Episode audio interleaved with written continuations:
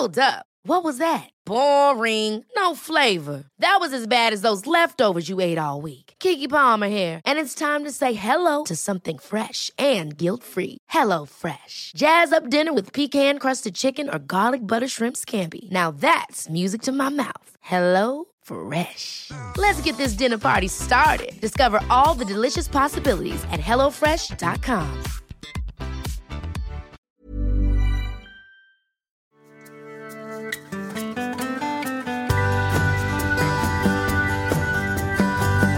Hallå vänner!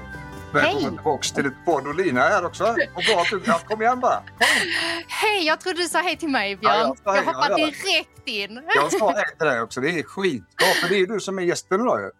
Ja, Ja, eh, och, och eh, vi ska prata om återhämtning idag. Det tycker Det jag är grymt för att det är ju, så här kan det vara 90 procent av min arbetsdag. Eller något sånt där. Åt det hållet och det är ju 100 procent av din arbetsdag. ja. Ja. Nära inpå. Ja, nä, nästan på ja. Eh, vi pratar ju mycket om, om stressrelaterad eh, psykisk ohälsa i podden. Här. Eh, och eh, jag menar på det att, att eh, i en utmattningssituation så är det ekvationen mellan belastning och återhämtning som är off. Och som har varit det ganska länge. Man ligger alltså på minus eh, ofta. Och, och då är ju belastningen ju en del och, och där jobbar vi mycket med som har gjort innan den här podden. Då. Lite olika tips och tricks för att minska belastningen, för att förstå vad belastningen liksom händer någonstans och sådär. Och återhämtningen är en del. Och jag tänker att det var därför jag hörde av mig till dig. Mm. För du forskar ju på det. Precis. Ja, kan du inte berätta lite Lina Eilertsson? Berätta liksom. Varför blir man återhämtningsforskare? Ja, varför blir man det? Bra Ja. fråga. Vad gör du? Vad gör jag om dagarna? Alltså jag har eh, faktiskt forskat eh, om just återhämtning i arbetsvardagen. Det är nästan precis tio år nu. Ja. Eh, och det började helt enkelt med att ehm, Dels så, så kände jag att när vi pratar om hälsa och arbetsliv så är det ofta rätt så, en rätt så negativ klang där vi ofta fastnar i just eh, fokus på stressen, den höga arbetsbelastningen, sjukskrivningsantalet. Ja. Vi har ju den här andra sidan som är den mer hälsofrämjande. Ja. Eh, Så det började i den änden att jag tillsammans med min forskargrupp ville kolla mer på de positiva faktorerna på arbetet. Vad är det som påverkar att man stannar kvar på sin arbetsplats, att man mår bra på sin arbetsplats? Ja. Och då kunde vi se eh, i de studier vi gjorde att det var, verkar vara återhämtning som påverkar oss allra mest, vårt välbefinnande. Ja. Och det har ju fortsatt. Vi vet ju att återhämtning är så, så viktigt för att vi ska må bra. Så Ja. det var lite i den änden det började, att det blev återhämtning. Och sen så kände jag att vi vet för lite om återhämtning. Vi Ja. vet framförallt för lite om återhämtning i arbetsvardagen. Ja. För det är ju fokus ofta på att vi ska sova bra, inte tänka på jobbet när vi är lediga, och Mm. göra olika aktiviteter som ger oss återhämtning på fritiden. Och då kände jag att nej, detta måste vi kartlägga mer inom forskningen. Vi måste veta mer om detta. Så det var liksom i den änden det började och så jag blev återhämtningsforskare. Ja, ja. Det finns ju ständigt nya saker att undersöka och ta reda på. Ja, är det, alltså jag tänker på just när det gäller forskningen sådär. Eh, är det liksom, eh, ska vi säga, det, det är inte medicinsk inriktning på själva forskningen som du gör va? Nej, det stämmer. Utan jag skulle säga att det är mer psykosocial.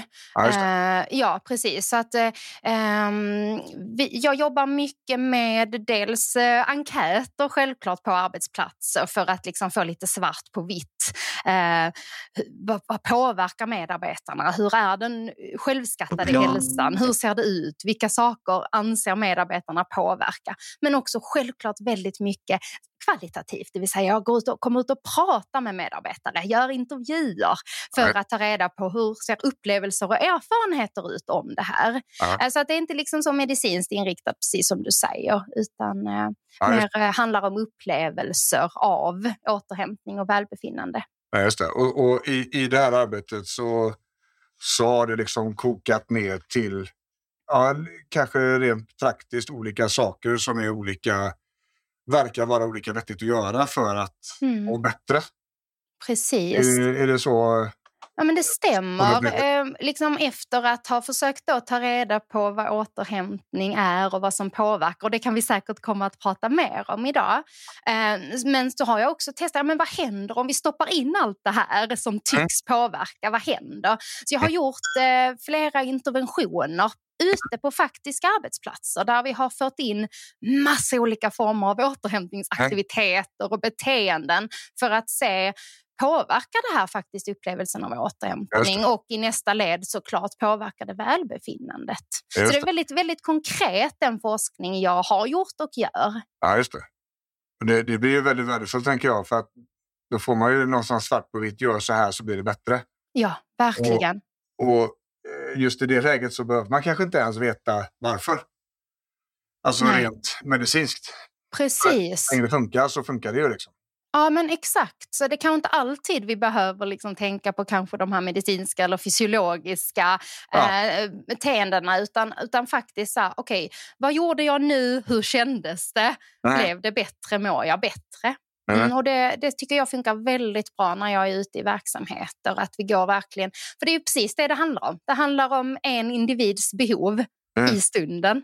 Mm. Uh, och där finns liksom inget rätt eller fel. Nej. Det finns ingen lärobok där vi kan läsa exakt vad som kommer hända eh, om man gör exakt så här. Utan det handlar om att lite lära känna sin egen kropp och sina egna signaler.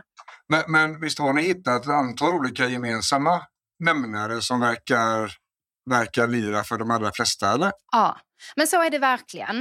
Eh, liksom, absolut, det är individanpassat och utgår från sig själv men vi kan ju liksom i stora drag se saker som vi vet är viktigt för återhämtning. Variation är en sån sak till exempel. Var, var känner du dig trött? Är det kognitivt, emotionellt, kanske fysiskt? Okej, okay, då ska du göra något annat. Du ska okay. försöka variera arbetsuppgift, det vill säga återhämta dig medan du jobbar vidare eller ta en liten paus för att göra något helt annat. Så den här variationen, det här att göra något motsatt för att återhämta, det vet vi liksom i stora drag funkar eh, för återhämtning. Sen vet vi att saker som starka sociala relationer påverkar oss jättemycket, både välbefinnande och återhämtning. Har man det stöd man behöver av chef, av arbetskamrater och så vidare. Och sen handlar det mycket om den här hanterbarheten i arbetsvardagen, att man känner att man har kontroll kontroll över sin arbetssituation och kan påverka den och så vidare. Så det är sådana där liksom ramar för vad som påverkar återhämtning och främjar återhämtning, det finns. Och sen gäller det att hitta sin egen väg i allt det här. Just det. Och där tänker jag, eh, där blir du vi säga, insatser som, som jag kanske landade då med mina patienter eh, när det inte går. Mm. Um, det här, vi kan ta bara som exempel. Eh, jag, har, jag har en arbetsuppgift, jag är väldigt trött, jag blir kognitivt påverkad av att göra en viss sak. Och så ska jag göra någonting annat. Mm. Må, många huvuden klarar ju inte av att släppa det när man bara går mm. därifrån. Mm. Eh, har du något liksom, har, man sett någon, någon, kan man hjälpa till där på något liksom sätt? Är det någonting som, som du har kollat på? Hur, hur får man till det? Ja, precis. Just i, angående det exemplet du tog nu, som är väldigt vanligt självklart, det här ja. att ha svårt att släppa svårt att lägga undan och det vet vi är jätteviktigt för återhämtning. Att ja. faktiskt kunna göra färdigt en arbetsuppgift och stänga locket på den lådan. Ja. Eh, och där kan vi se, där, där har jag sett i mina studier men också mycket annan forskning som pekar på att reflektion är ett av de mest kraftfulla verktygen där. Och där behöver man inte göra det så komplicerat eller stort utan det kan vara liksom, jag är på väg att avsluta en arbetsuppgift, men stanna upp där och, och fundera över okay, vad hände i den här situationen. Hur kändes det? Vad har jag lärt mig av det här? Mm. Eh, och reflektionen kan på så sätt hjälpa oss att gå vidare i stunden. Men vi kan också se hur reflektion i slutet av en arbetsdag är otroligt viktig för hur väl vi återhämtar oss när vi väl är på hemmaplan sen. Och där kan man speciellt se i forskningen att det är den positiva reflektionen som påverkar oss mest där. Det vill säga, jag har kanske haft en jobbig arbetsdag, svårt att sätta fingret på någon positiv händelse. Men om jag sätter mig ner och lyckas med det, det kan vara bara Eh, en arbetsuppgift som jag, som jag har gjort som jag känner mig stolt över eller en, en samtal jag haft med en kollega som kändes bra. Det kan vara nästan vad som helst. Kan jag sätta fingret på det och tänka på det. Då är det lättare att lämna jobbet på jobbet. Det är lättare att gå hem med en god känsla i magen och det är lättare att återhämta sig när man väl är ledig. Så jag vill ändå säga att reflektionen är ett jättestarkt verktyg. Men det är inte alltid att det utrymmet finns. Nej, det, Nej. Jag, är, jag är helt med på det. Men, men då tänker jag också, eh, om man nu vi tänker oss att, att verktyget är väldigt viktigt. Det har du påvisat, eller det har du sett. Mm. Eh, då tänker jag också att då kanske man ska prioritera tiden för reflektionen och få in det i antingen arbetsdagen mm. eller precis efter arbetsdagen. Ja. Eh, så jag vet, eh, eh jag har en del kontakt med Almen, Niklas Almen, eh, återhämtningsforskare också, fast ur det kognitiva perspektivet. Ja? Mm. Eh, han pratar om att en brytaktivitet efter jobbet är väldigt centralt.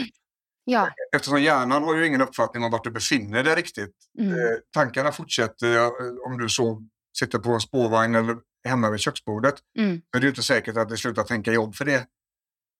Och det, det där, där tänker jag att, att lägger man ihop era grejer, där, bryta aktivitet efter jobbet och liksom fokusera på den, den positiva reflektionen. Mm. Och då tänker jag så här, om man dessutom gör det skriftligt. För det är någonting som jag upplever hos mina patienter. De är väldigt, ofta väldigt påverkade av trötthet och väldigt kognitivt nedsatta ibland. Eh, och det är svårt att göra de här reflektionerna i huvudet. Mm. Eh, det blir liksom som att bygga korthus i luften på något vis. Det är svårt att samla tankar, svårt att greppa de här fly, flyktiga grejerna. Va? Eh, om man sätter sig och skriver en rad helt enkelt och fokuserar då på vad som har varit bra och positivt i dagen. Och har det som en liten ritual eller rutin. Mm. Här är det avslutat och framåt då tror jag vi har ett, ett rätt kraftigt verktyg där för våra lyssnare. Verkligen. Det ligger jättemycket i det. Det här att göra det väldigt fysiskt. Ja. Att ta tanken, plocka ner den och få ja. i skrift. Det kan hjälpa oss att avsluta. Ja. Och det är samma sak som det här att göra något, liksom, du kommer hem, av vad gör många? Kanske byter om till mjukiskläder, ja. tar av arbetskläderna och byter om. Det är också väldigt fysiskt. Göra något annat, nästan som en, precis som du sa, en ritual för att nu är arbetsdagen slut, nu är jag ledig. Nej. Och det kan faktiskt vara även det väldigt, eh, väldigt bra för att få till återhämtningen och det här att släppa jobbet när man är hemma. Eh, även om jag, jag brukar ändå trycka på att eh, vi vet att, att inte tänka på jobbet när man är ledig är bland det viktigaste för att få återhämtning. Det vet vi. Men det, det är, ändå, det är inte svart eller vitt. Det är inte så att det är jättefarligt att tänka på jobbet och att man ska trycka undan de tankarna utan man måste tänka vad är det för typ av känslor det framkallar? Hur påverkar det mig? För vi vet ju också att de bästa och mest kreativa idéerna de kommer ofta när vi är lediga, när, lediga, när vi slappnar av, när vi gör, lagar mat eller klipper gräsmattan. Eh, och då kanske man ska ha det där lilla anteckningsblocket där man skriver ner och sparar till man kommer till jobbet igen. Ja. Så jag tänker att det är inte bara bra, även om man har en jobbig känsla eller tanke kring jobbet, tryck inte bara bort den när du är ledig utan bearbeta den, Nej. reflektera kring den, lägg undan den. Nej. Eh, det är så det, vi hjälper oss att inte negativa känslor och eh, tankar på jobbet påverkar vår lediga tid. Så jag tror att det är viktigt det här att det inte är svart eller vitt. Precis, och jag brukar säga det att känslor är kompasser. Och Bra känslor ska ju dras till bra saker och dåliga känslor ska dras från dåliga saker. Eh, och bara för att man får en dålig känsla så betyder inte det att den är fel. Mm. Utan det, det, är precis som du säger, man måste våga titta på den innan man packar undan den. Mm. Annars är det, har man ett reflexmässigt beteende där man alltid packar undan det som är obehagligt, då kan vi kanske benämna det som flyktbeteende. Mm. Eh, och det är ju inte alltid hjälpsamt, eh, speciellt när det handlar om att ta sig framåt. Mm. Eh, Ja, det är otroligt intressant. Det, det där är skitbra grejer. Sicket verktyg. Eh, just det här med, med, som du skriver, eller som du säger, det praktiska med skriva. Mm. Det är ju, I huvudet så är det väldigt abstrakt. Det är svårt mm. att greppa, precis som du säger. Eh, och att bara få ner det på en rad kommer att göra jättemycket saker. Vi kan få bort det ur huvudet så vi behöver inte komma ihåg det. Eh, när uttrycket kommer och vi läser det så kan vi bara genom det se att ja, men det här är inget, jag kan inte göra någonting med det här nu ändå. Mm. De här personerna är inte där eller eh, den här uppgiften kommer inte kunna få en återkoppling förrän på fredag. Mm. Eh, det går absolut inte att göra någonting med detta nu. Mm. Eh, så det blir också ett sätt för hjärnan att kunna släppa taget om trådarna. Liksom, så? Verkligen. Eh, ja, det är ju otroligt bra. Eh, jag brukar, eh, alltså de som har transport hem ifrån arbetet, där är det ju ganska, ska vi säga, det blir en tydlig sak som händer eh, för avslut. Liksom. Nu har du Mm. fått transportera dig ifrån arbetet och till hem. Eh, det är många som eh, har det som brytaktivitet, liksom, att man, man gör saker där. Sitta Ja. och reflektera i bilen eller på tunnelbanan eller vart man nu befinner sig. Eh, det var ju någonting vi upptäckte under coronapandemin, hur det där helt plötsligt kastades om. Mm. Eh, helt plötsligt så var du hemma efter du har stängt ner locket på laptopen. Mm. Och, och, och det är ju inte helt solklart så. Va? Eh, Mm. Har du kollat någonting på just hemmaarbetet? Jag brukar säga, det blev ju som sagt en väldigt stor omställning under pandemin och, och klart att det fortfarande är många som jobbar hybrid eller distans. Och där brukar jag faktiskt tipsa om att gå till och från Ja. jobbet. Alltså börja dagen med en liten promenad och sen för att gå hem och sätta dig och gör detsamma vid avslut. Ja. Så att du inte går direkt från att gå ut i hemmet, eh, laga mat eller hämta barn eller liksom vad du nu än gör. Att det blir ingen sån här tydlig avgränsning utan allt flyter samman. Det kan också såklart hjälpa att bara säga jag har en avgränsat rum Ja. för arbetsplats. Har du inte möjlighet till det, packa ihop arbetsmaterialet när arbetsdagen är slut. Ja. Så att det finns liksom såna här knep man kan ta till. För precis som du säger så är pendlingen så värdefull. Ja. Jag, jag, jag träffade en medarbetare en gång som, eh, som använde eh, just pendlingen på ett lite roligt sätt tyckte jag. Och Jag tänker att kanske fler kan ta del av det tipset. Nej. För hon åkte samma busstur varje Nej. dag. Nej. Och, bestäm- och ungefär halvvägs så fanns det ett speciellt träd, ett stort gammalt träd som hon alltid liksom, det var ungefär halvvägs hem.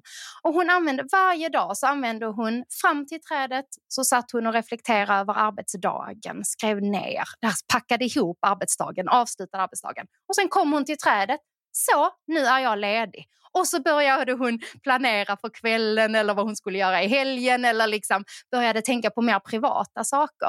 Och, Ja. och då åter vi tillbaka till det här att det ska vara väldigt tydligt, nästan liksom fysiskt, eh, för att göra den tydliga avgränsningen. Och jag tyckte det var ett rätt så bra sätt för att få hjälp i det här. Okej, nu är jag ledig. Ja, verkligen. Och, och jag tror, jag har tänkt mycket på det också. Eh, just med definitionen utav ledig. Eh, och, och att i många fall så är det lätt, det är lätt att ha semester. För då är det uttalat att nu är det semester och, och nu ska det vara på ett visst sätt. Men egentligen så har det ingenting att göra med tiden. Utan det är ju med ett state of mind. Mm. Hade man kunnat skapa det här mindsetet på eftermiddagarna eller varje helg Mm. så tror jag också man hade vunnit mycket. Och, och Mm. det här kan ju vara ett sätt liksom att precis som att vi varvar ner efter semestern. Eller i, i- början på semestern så kommer det vara ett par dagar där, där, där man kanske är väldigt mycket, man är väldigt mycket. Man kan inte Mm. bara bromsa det liksom. Men, men tids nog så kommer det bli lugn. För de flesta. Om man inte. Jag, jag, på tal om det så läste jag en spännande studie som kollade på just detta. Ja, Och det var dag åtta på semestern som vi mådde som bäst.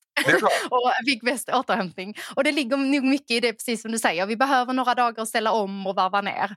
Men, eh, men jag menar, jag tror väl allmänt i vardagen behöver vi bli bättre på att njuta av liksom guldkornen i vardagen. Nej. Inte, nu, nu pratar vi kanske om om man jobbar måndag till fredag. Det finns ju de såklart som jobbar alla dagar i veckan. Men om vi uttrycker det så här då, att, att man hela tiden längtar till en längre sammanhängande ledighet. Sen om det är helg eller eh, mellan arbetspass. Eh, men jag tror att det är ofta det vi gör och det är det vi planerar för. Men att man istället börjar lägga eh, dels krut på att vi faktiskt mår bra och trivs på jobbet och att man har det roligt på jobbet. Det är en plats där man mår bra. Men Nej. också nyttja stunderna där man är ledig, precis som du säger. Och att vi jobbar på att ställa om. Ja. Mm. Och, och det där är ju superintressant. Jag, jag vet, jag kan inte återge källan på det just nu, men eh, man, man pratar ju om att, att varva ner inför semestern istället för att varva upp på jobbet och, mm. och öka trycket och liksom hinna klart och eh, hetsa fram till sista arbetsdagen innan semestern. Mm. Så är det klart bättre om det är möjligt att växla ner. Ja. Så man, man, man landar mjukt istället för bara om. Mm. Så va? Eh, och det, då tänker jag att, att gör man det så kan man säkert påverka den här dag åtta. Mm. Att den inte kommer dag åtta utan den kanske kommer dag tre. Ja. Eller kanske fyra rent av. Eh, nej, det där, är, det, där är också jätteintressant. Jag, jag tänker på det där. Eh, hur viktigt jobbet är och att man trivs och så vidare. Mm. Det är ju inte alla som gör det. Nej. Det är ju väldigt många yrkesgrupper, väldigt många arbetsplatser som går tungt. Mm, verkligen. Eh, och där tänker jag att där har ju både arbetsgivare ett stort ansvar men där får man kanske tänka lite annorlunda kring återhämtningen. Eller? Om inte det man inte får lika mycket som man ska ha egentligen mm. utav själva upplevelsen av arbetet. Jag skulle vilja säga att det är ett delat ansvar. Ja. Um, det behöver självklart ske ett organisatoriskt strukturellt arbete uh, med en Eh, organisation som tillåter återhämtning, som ger sitt godkännande, som avsätter tid, som erbjuder återhämtningsaktiviteter. Och samma då med en chef, en engagerad chef som, som tillåter. Eh, men jag tänker det, här, det behöver ske ett parallellt spår där varje individ också har ansvar för sin egen återhämtning och sitt eget välbefinnande. Så ja. att man inte lägger allting i händerna på organisationen och liksom avsäger sig sitt ansvar. Det är klart att vi vet, jag har kollat mycket på förutsättningar i min forskning, vad är det som behövs för att få det att fungera? Självklart är eh, ledningen jätteviktig där och att man får det här godkännandet. Men vi kan också se att även på arbetsplatser som kanske på pappret inte tycks ha så, hög, så, så goda mm. förutsättningar, det vill säga kanske hög arbetsbelastning, dåligt ledarskap och så vidare det finns vägar att få återhämtning ändå. Ja. Eh, det gäller att se till sitt eget behov och kombinera det med ah, situationen som är just nu. Okej, okay, jag mår så här, jag behöver återhämta där, hur kan jag få det? Och det är klart att kanske mikropauser ofta ligger nära till hands. Ja. När vi bortprioriterar, vi har, jag har inte tid att sitta tio minuter och reflektera eller liksom dansa med mina arbetskamrater. Mm. Vad kan jag göra? Det kanske är ett djupt andetag innan jag öppnar dörren och går in till nästa arbetsuppgift eller ja. eh, vad man nu ska göra. Ja. Så jag tänker att ofta är det de här korta, snabba som man kan själv integrera i stunden. Ja. Som är enkla, som är tillgängliga som du kan lägga på din befintliga rutin på jobbet. För det handlar inte här om att lägga in massa extra pauser. Vem har möjlighet till det? Ja. Om man inte är liksom egen företagare och har det, kan liksom styra sin tid helt själv. Så här handlar det om att se till hur ser min arbetssituation ut? Vad har jag för behov och hur kan jag då få till det? Och det kan jag ju ändå se att det är möjligt. Yeah. Jag stöter ju ofta på folk, framförallt inom skola, eh, förskola, vården, eh, socialtjänst och så vidare som yeah. upplever att ah, det är helt omöjligt. Ja. Hur ska jag kunna djupandas? Ja, det kommer aldrig gå. Men, men jag kan ändå se, för jag har ju gjort framför allt mycket forskning inom vården, i en vårdkontext och ser att jo, men det är faktiskt möjligt. Vi måste mm. bara vara, vara lite kreativa ja. och liksom anpassa det efter förutsättningarna i stunden. Ja, och det, det är någonting jag tycker också på när jag är ute och föreläser. Det här med att man ska ha kvar energi efter jobbet och, och eh, absolut arbetsgivaren har ett stort ansvar. Eh, och de har en väldig massa regler och lagar och grejer att, att förhålla sig till när det kring arbetsmiljö och arbetstider och, och vila och återhämtning. Och så här. Men vad kan jag göra själv? Mm. Hur, hur, hur, fyller jag på mina batterier? Mm. Hur disponerar jag min energi? Eh, för att det arbetet ligger ju alltid hos individen mer eller mindre. Mm.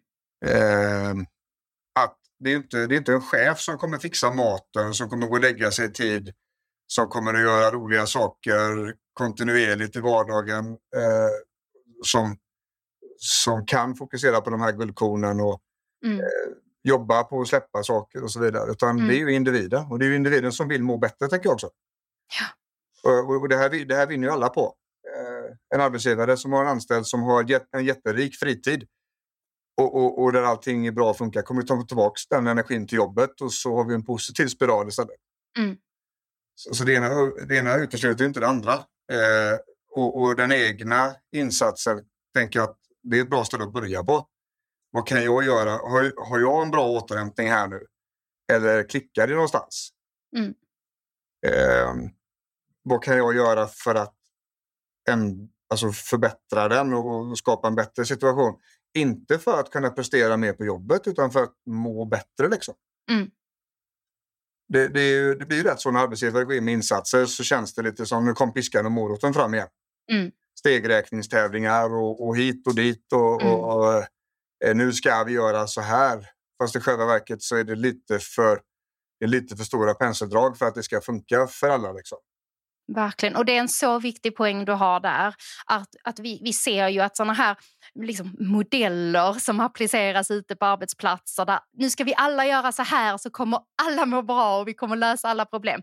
Det fungerar inte, Nej. utan vi måste individanpassa. Ja. Så när jag träffar eh, liksom, chefer och pratar med hur ska vi jobba liksom, på organisationsnivå, då handlar det ju mer om att vi behöver erbjuda ja aktiviteter. Det är ett smörgåsbord här. Och sen kan varje individ, vill du vara med på den här gruppaktiviteten, du är varmt välkommen. Men vill du nyttja den här tiden till egen återhämtning så ja. gör du det. Ja. Så det handlar liksom dels om det, men också det här som vi snuddade vid innan det tillåtande klimatet som är så, så viktigt. Hur pratar vi om återhämtning på vår arbetsplats? Wow. Um, hur känns det? För det är en annan sak att säga att det är okej, okay, men vad får man för blickar eller vad får man för känsla eller vad hör man för kommentarer när man tar sig tiden till återhämtning? Ja. Så det är en sån här jätteviktig del och där är det också tillbaka till individen. Vi vet att återhämtande beteenden, positiva beteenden smittar av sig. Du kan bara börja hos dig själv göra en förändring hos dig själv, visa andra att du tar dig tiden för att prioritera dig du tar dig tiden för återhämtning och då vet vi att det kan smitta av sig även på organisationer där det är en mm. tung start. Ja. Varje exempel liksom. Eh, ja, det, det, ja, det är superintressant det där. Eh, och just när det gäller kommunikationen så är det ju det, det, det, finns en problematik med det på arbetsplatserna. Liksom. Mm. Hur, hur förmedlar jag att det inte är bra? Utan att visa hela halsen så att säga.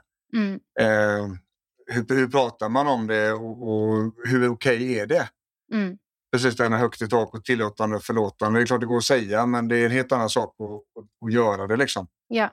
Um, och det där är någonting som slår på oss arbetsgivare också. Svårigheten att, att kommunicera om detta, liksom, svår att förstå och liknande. Och, och jag tänker gruppinsats och sånt är väl, är väl fint liksom, och, om man gör det på rätt sätt och rätt syfte. Jag mm. tänker att, att utbildning är en väldigt bra sak att göra i gruppform. Där alla ja. får informationen samtidigt. Mm. Så här funkar det. Så här funkar återhämtning. Det här är orsaken till att det måste vara individuellt. Eh, eh, och, och, Det här förväntar vi oss nu att, att alla gör och då ska vi få det här resultatet när vi gör ommätningen sen. Mm. Men, men just att man går in på gruppnivå i utbildningsform och sedan så går man ner i den bästa av världar. Mm. Eh, det är, det är lite längre väg fram men den kommer också hålla på ett annat sätt än vad de här snabba insatserna gör. Verkligen, och det är precis det vi är ute efter. Uh, liksom, och vi vet ju att det krävs inte så mycket. Liksom, små insatser nu, lite extra engagemang, lite extra tid och kraft på att satsa på återhämtning. Kunskap som du är inne på. Ja. Och börja jobba med det, börja prata om det. Då kan vi se jättefina resultat långsiktigt istället för att det här ständiga släcka bränder ute på arbetsplatser. Ja. Uh, efter att folk redan har blivit sjuka. Så att där ser jag ju jättetydligt hur vi kan få både kortsiktiga och långsiktiga resultat genom att integrera en sån sak som återhämtning. Och det där är ju no det där tycker jag är en väldigt viktig punkt där med, med eh, att göra och, och fixa det innan det blir ett problem. Mm. För att i många fall så är det som man upptäcker inte utmattningen förrän sjukskrivningspappret kommer. Eh, och då är det ju väldigt sent ute. Mm. Eh, det kan ju alltså ta månader och ibland år för en individ att komma tillbaka efter en sån smäll. Eh, det måste vi försöka förebygga så långt det bara går. Liksom. Mm. Eh, det är helt annan sport, en helt annan uppsättning förutsättningar och regler när man ska rehabilitera en sån smäll än det är att bromsa den. Mm. Tänker jag. Men, men, när, ni, när du gjorde interventioner alltså i studierna så där, ute på arbetsplatserna, hur mycket utbildning var det i det då? Um, det var att lägga grunden till återhämtning. Alltså ge kunskap om vad återhämtning är, vad som mm. kan påverka oss, vad det kan få för effekter. Konkreta verktyg som individer och grupper sen kunna arbeta med. Uh, och en viktig del också i det, det var, uh, som jag har kollar på nu bland annat just det här kring förutsättningar. Eh, och då kan vi se att, att det här att, att några individer får tilldelat ansvar på en arbetsplats eh, kan vara jätteviktigt för att få det att fungera. Eh, ja, och då hade vi bland annat, vi kallade det inspirationsgrupper för att de var där för att inspirera. Det var alltså medarbetare som fick lite extra ansvar, lite extra tid avsatt för att stötta sina kollegor, för att komma med idéer, för att liksom föra in i verksamheten utvärderade sen. Ja. Um, så att det var så vi arbetade. Så att det var liksom flera olika steg. Men jag tror väldigt mycket att grunden behöver vara kunskap. Ja. Och det är mycket så jag jobbar nu när jag är ute och jobbar med verksamheter. Då börjar vi med uh, liksom att, att jag vill ge kunskap om vad återhämtning är. För först då kan vi förstå, eh, okej, okay, men vad är det som faktiskt påverkar mig och hur, vad är mitt behov och hur kan jag faktiskt sen i, i verkliga livet få in återhämtning. Ja. Så jag tror det är jätteviktigt som du säger att det liksom på något sätt behöver ligga till grunden. Ja, och jag tror också att, att eh, kunskap är ju nödvändigt för ledarskapet också. Mm. Eh, för att de ska förstå vad som behöver göras och varför. Eh, hur det funkar och varför det funkar. Ja. Och, och, hur man går tillväga helt enkelt. Liksom. Mm. Och inte minst, hur ska jag få återhämtning själv som mm. ledare? Mm. För att eh, ledaren måste också må bra för att kunna ja. vara en, en, bra ledare. Så att, eh, för alla ledare är det ju verkligen de här två, eh, två delarna hela tiden. Min egen återhämtning och hur kan jag stötta medarbetargruppen? Mm. Så både självledarskap och ledarskap liksom neråt. Mm. Det Ja, det, där är komplext alltså. Sen, sen, jag har haft den diskussionen med två patienter idag redan. Eh, just det här eh, med att det inte går att separera arbetet ifrån privatlivet. Liksom. Eh, det är samma hjärna på bägge ställena. Mm.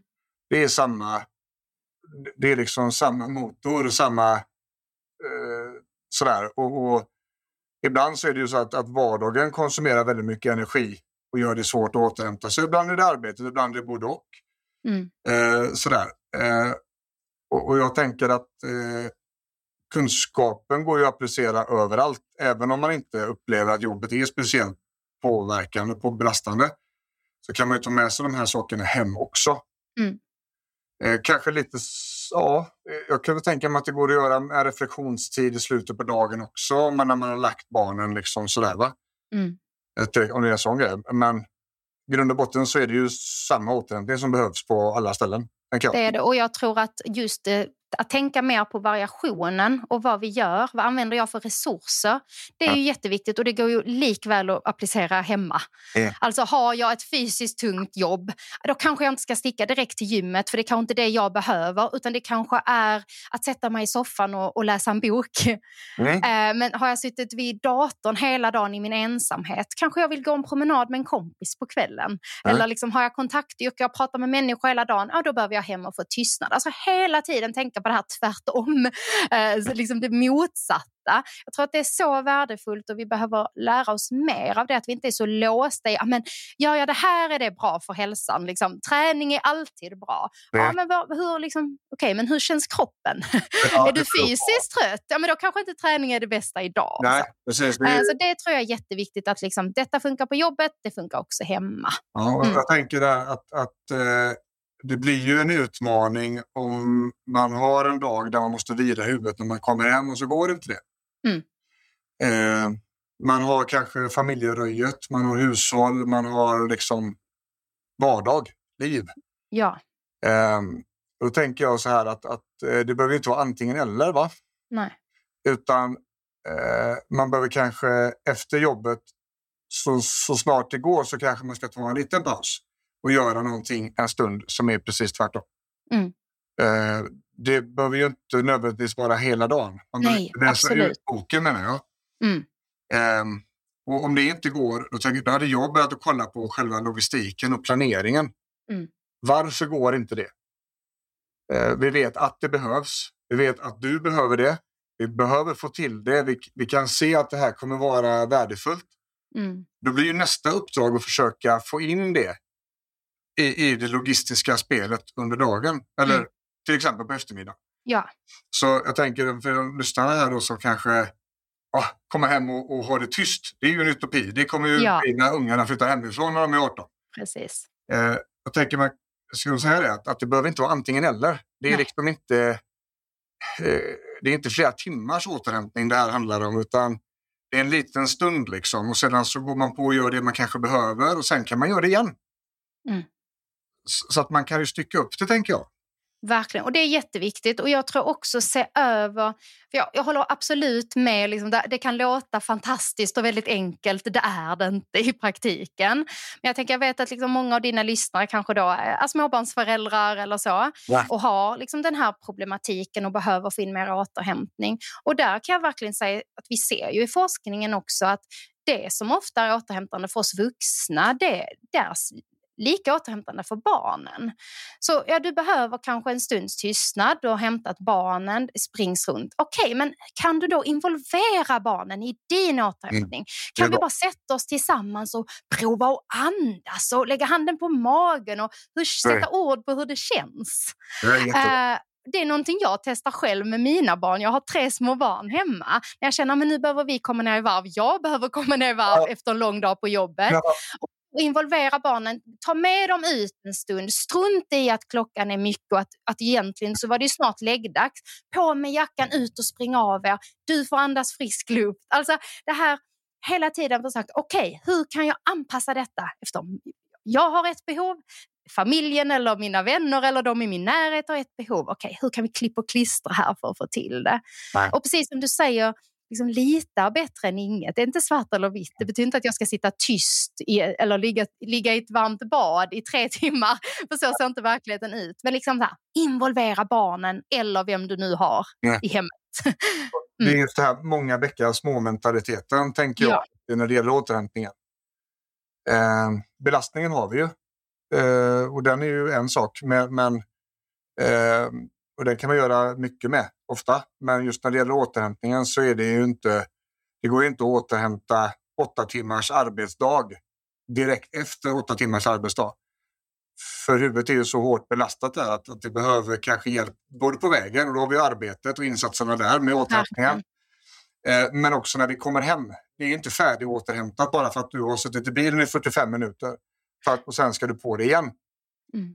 Ehm, utan det, det är helt i sin ordning tänker jag att behöva återhämtning även på kvällen. Innan man lägger sig. Att, man tar de här små pauserna. Mm. Även fast det är fullt tumult med barnen. Liksom. Mm. Ehm, Så behöver man titta på den logistiken. Hur går det att göra? Kan jag involvera barnen på något sätt? Är de så pass stora att de kan sitta självständigt i 20 minuter så jag kan sätta mig på utsidan i tyst och lugn och ro? Mm. Eller eh, hur funkar det hemma hos mig? Ja.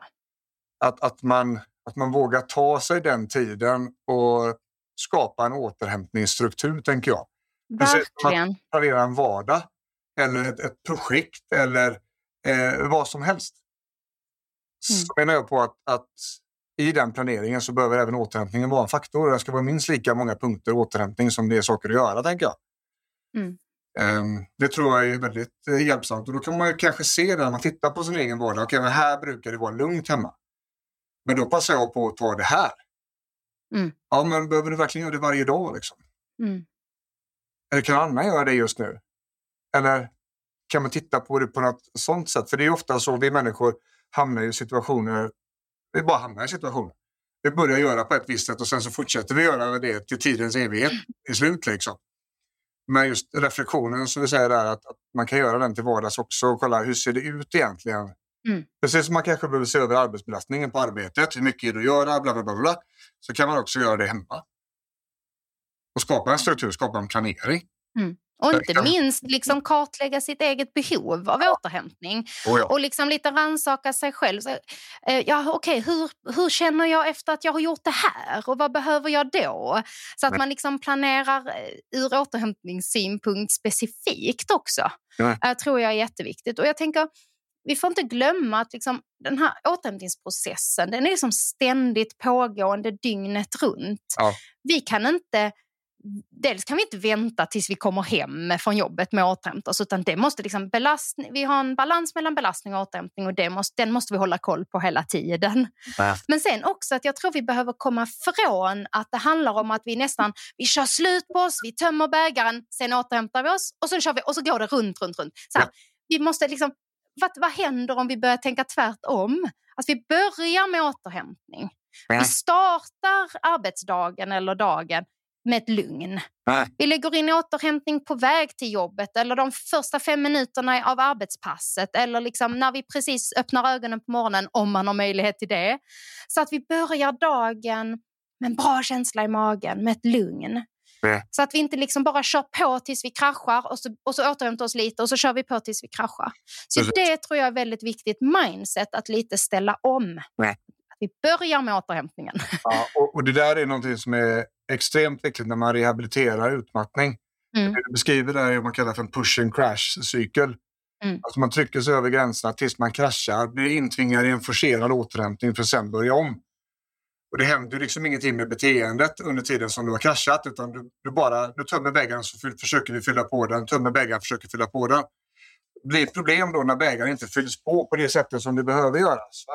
Någonting har hänt där. Eh, Så att det, kraschen kommer fortare. Pressen tar mer och kraschen kommer fortare. Eh, Så det skulle jag säga att det är ett väldigt bra mindset även ur ett rehabiliteringsperspektiv. Mm. Att vända på det.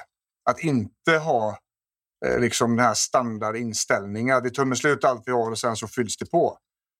Eh, Utan att, att vi vänder på det helt enkelt. Mm.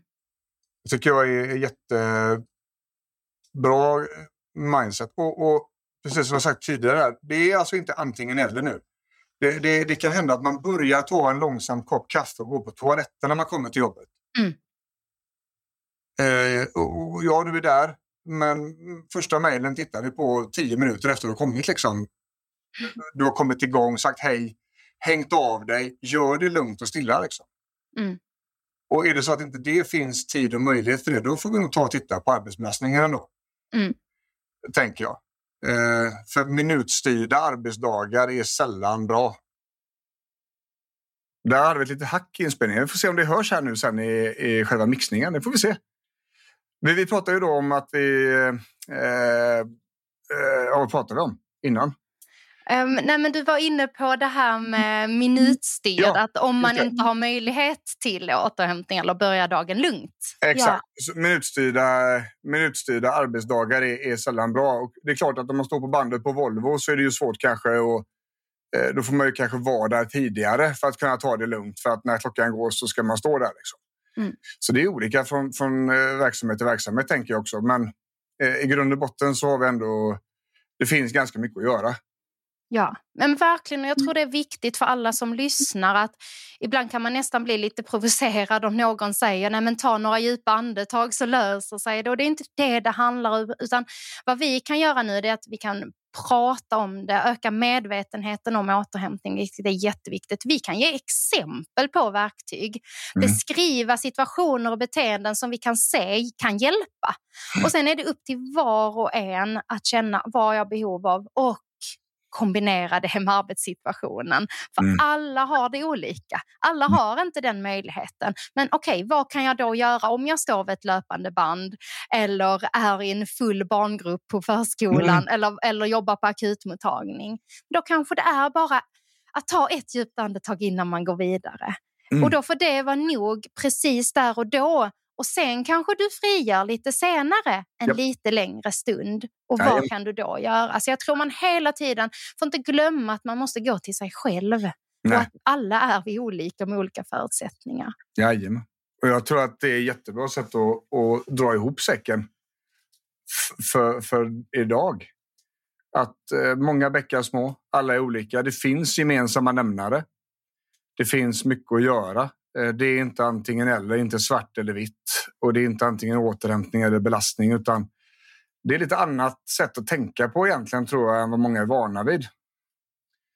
Det här vi beskrev, tömmer ut hela bägaren och sen hoppas jag på att den ska fyllas på. Problemet mm. är att om den inte fylls på i den omfattningen som du hade behövt, då går vi på minus och då är vi på gång in i spiralen som kan leda till utmattning till slut. Då liksom. när, när det blir saker som händer i huvudet som gör att du inte... Belastningen blir ännu svårare för huvudet att hantera och, och återhämtning går ännu långsammare. Liksom. Ja, jättespännande. Eh, om man vill läsa mer om de här sakerna, vad, vad, vad gör man det? Ja, vad gör man det? Eh, jag driver ett Instagramkonto som heter Återhämtningsforskaren där jag lägger upp mycket om hälsa i arbetslivet, eh, forskning som finns för att försöka göra forskning mer roligt och tillgängligt. Så man mm. kan absolut titta in där och där hittar man kontaktuppgifter vidare helt enkelt om man vill fortsätta veta, prata med mig och veta mer om detta spännande ämne. Mm. Skitbra. Och jag tänker att vi säkert eh, får anledning till att återkomma till de här sakerna. Det, man kan ju ta återhämtning på så många olika vinklar och sätt. Ja, verkligen. Men jag tycker att vi har fått med oss jättemycket bra verktyg idag. Jag har också egna anteckningar där jag ska lägga in i mina eh, verktyg här. Eh, som, som kommer att lyfta ännu mer faktiskt. Så det är jätteintressant. Jag har fått med mig skitmycket. Ja, men vad bra. Härligt. Ja, jättekul. Detsamma. men du, då ska vi låta huvudet vara idag för våra lyssnare. Ja. Eh, och tackar så jättemycket för allas öron. Det har varit lite längre avsnitt idag. Har kört dem lite kortare under det senaste halvåret. Eh, men det här, det här kan vi prata lika länge om till, tänker jag. Ja. Sådär. Skitbra. Vill man komma i kontakt med mig så är bjornrudman.se snabbaste vägen. Eh, enklast också, för den delen. Men bra, då säger vi hej då till allihopa här. Eh, och så hörs vi snart igen, Lina. Ja. Hej då. Hej.